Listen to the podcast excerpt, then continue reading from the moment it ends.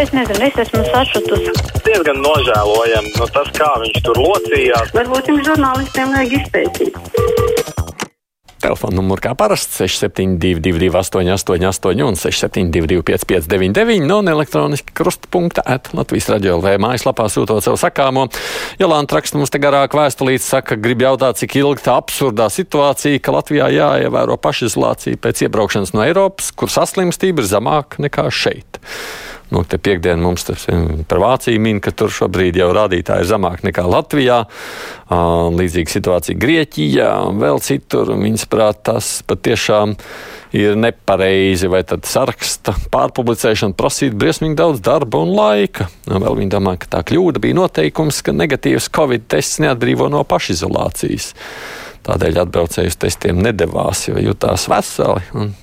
Viņas prāt, tur arī problēma bijusi. Halo! Labdien! Labdien.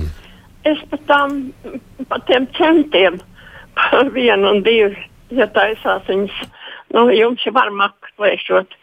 Bet uh, tad jau arī nu, jā, jāveido trīs centu gabals. Savādāk kā varēs norēķināties.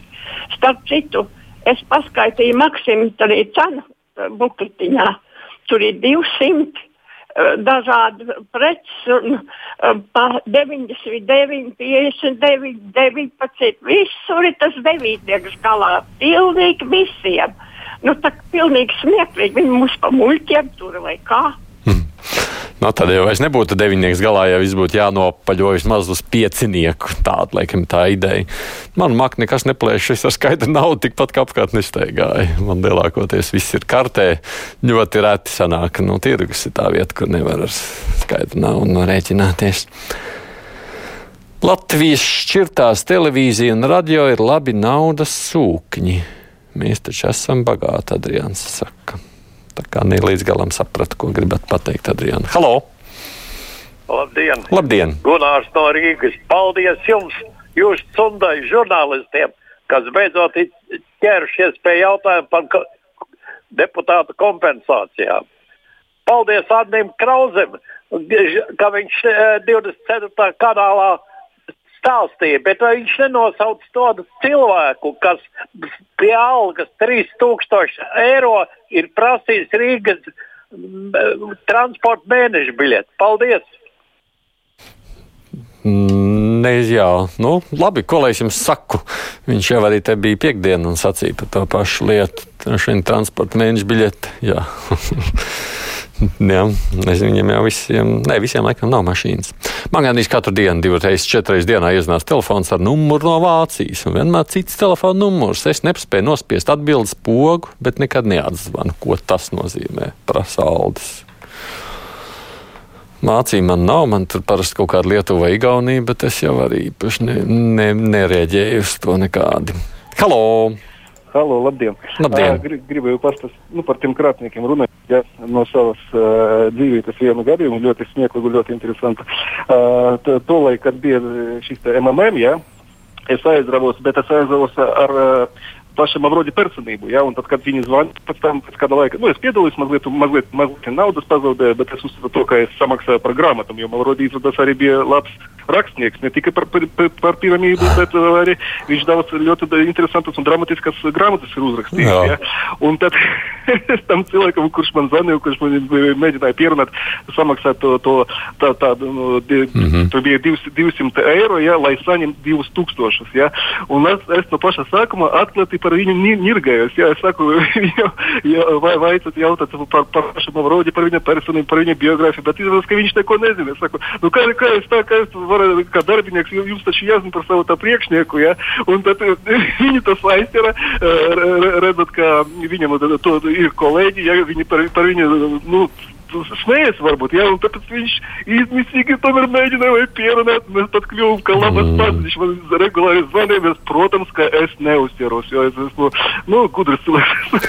nu, redziet, jums ir pieredze, jūs zināt, kas ir Mavrodija un viņa veidotā milzīgā piramīda savulaik, kas padomjas Savienības brukšanas laikā savāca tik ļoti daudz līdzekļus.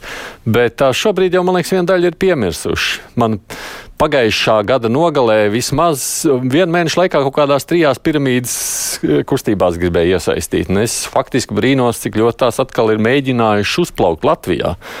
Nu, Viņa cilvēki padomājiet, piramīdas arī, nu, viņas mazliet, viņi, protams, tagad ir kļuvušas rafinētākas, ne tik vienkārši, kā to darīja Mavrodī, bet princips jau tieši tas pats. Uzmanieties, cilvēki! Varbūt esmu vecmodīga kundze, bet kodu kartes man patīk vislabāk. Aidi, kā tev šķiet, saka Maija. Katrai jau ir savu plusu un mīnus. Nu, varbūt nevarētu tādā veidā krāpties, kā tagad var ar smartai divu vai kodu kalkulātoru prasot ievadīt, jo tur ir vienmēr nomainījies tas kods, bet kodu kārta jau nebija tā drošākā. Tur savukārt bija drošāk, bīstamāk, ka var ielausties pašā sistēmā. Tāpēc jau smartai divu lietojam vai visu to pārējo, ko lietojam tikai ar prātu. Halo! Labdien! Labdien! Es gribēju arī pacelt tādu jautājumu, piemēram, par gripas potēm. Tagad nu, visur sāk runāt, nu, potējieties, potējieties, covid, gripa, un ja vēl savīsies kopā, būs slikti. Bet to pošu jau nav mīļie cilvēki. Nu, nav vajag veselības ministrijai prasīt, kur lai dabūtu tās potes. Piemēram, es zvanu no Kuldīgas, ja taisno no pilsētas, no Kuldīgas rajonā nav nekur. Nekur. Ne, neskrundā, nekuldīgā, nu nav nevienā aptiekā. Bija kaut kad pašā septembra sākumā. Zinu to sistēmu, jau tā problēma nav tikai, protams, jautājums par kuldīgu vienu. Jā, labi. Es ceru, ka man kolēģi arī kāds var pievērsties šim tematam. Gripas pocis tiešām trūks šobrīd Latvijā. Tāds nu, ir fakts, un neviens vien to ir sacījuši. Iemeslu nezināšu atbildēt, bet taisnība par to vajag runāt, skaidrot un atrast risinājumu. Kam vajadzīgs tas ir tomēr. Edgars saka, man nesaprast, kāpēc braucot no Somijas uz Latviju ar mašīnu ir jāievēro pašizolācija, jo trīs stundas izbraukt cauri Igaunijai. Bet, ja te lido ar lidmašīnu, tad nav jāievēro. Jo lido uh, Somija, Igauni vēl taču visādas tautības. Uzskatu, tas ir negodīgi. No, tāpēc, ka neviens jau nevar pārbaudīt, vai jūs izbraucāt tranzītā tikai nekur neapstājoties, vai tomēr. Nekam jau tāpēc tā. Halo! Labdien! Labdien! Nu, runājot par tām sīknaudiņām, es zinu, ka Zviedrijā viņam ar kādreiz bija desmitie eiro monētiņas atteicās no tiem, tad bija 25 eiro monētiņas atteicās no tiem, tagad 50. Un es domāju, viņi tiek tāpat galā, kas maksā ar kartiņu, tie maksā kartiņu, un kas ar naudiņām, nu tur viņi nopaļo vienkārši un cauri. Mm, nu jau aug lielāka inflācija, jau beigās no vispār jāatsakās. Beigās no vispār no kapekām atsakās. Man liekas, tur kaut kādās valstīs taču no, no rubļiem arī atsakās. Nu, es domāju, no tādām ārzemju vienībām. Beig, beigās atcerieties, Krievijā, kad savulaik bija milzīgā inflācija. Tur jau nebija vairs kapeiku. Kapeiks neviens tur nevērtēja. Varu pastāstīt jums vēl dažus pikšķerēšanas un krāpšanas veidus. Raksta Eigars, izsmalcinātāka klienta laika zakšana, tā saucamo IT tīklu sabrukumi, kur saskaitot pēdējos 12 mēnešos kādās lielākās bankās neplānotās atvainošanās klientiem par nepieejamiem norēķiniem. Darba laikā kopumā sanāca vesela nedēļa nozagt laiku un nervu. Lai klientam pienāktu informācija, notiek kontā kādas darbības ar naudu, pilnīgi oficiāli par papildus maksu tiek piedāvāta maksas SMS. Tā mums Aigars par šo tematiku raksta. Nu, tā jau ir šobrīd, ja tev izņem naudu, ja tu esi pieslēdzies lielai daļai, jau atnāk informācija, ka kāds kaut ko dara jūsu kontā. Bet tad, ja brīdī tā informācija nestrādā, tad ir vēl trakāk. Darētu ieviest mutes un deguna aizsagu lielveikalos, raksta Ozols kundze transportā vakarā reti kurš izmanto deguns un mutes aizsegus. Nu, par transportu es esmu izteicies, pa veikaliem izskatās, iespējams, arī šī lieta būs, tāpēc, Nu, kā jau šeit ir rakstīts, tad uh, valdība varētu lemt par papildus pasākumiem, uzdevumiem. Un par tiem vilcieniem savukārt Jānis raksta, es drusku aizdomājos par tiem, ka atkal pietrūks nauda, bet mums taču ir trīs spēcīgas ostas, neskaitot mazās, kā arī nodokļi ir augstākie Baltijā, bet naudas nav. Varbūt vaina ir pienākošā jūgā. Es nesaprotu. Drīzāk laikam vaina ir tāda, ka mēs esam pietiekoši daudz cilvēku, kas nemaksā nodokļus vai izsakās vai atsakās no tiem. Un tādā veidā tas notiek. Satrauktā kundze par devītniekiem var būt mierīga. Dānijā izņēma no apgrozības vienu un divu centu monētas, bet veikalos joprojām cenas ir ar 9,9 beigās. Bet skaidru naudu nopaļo elektroniskos norēķinos gan tur nav problēma, tā saka Katrīna.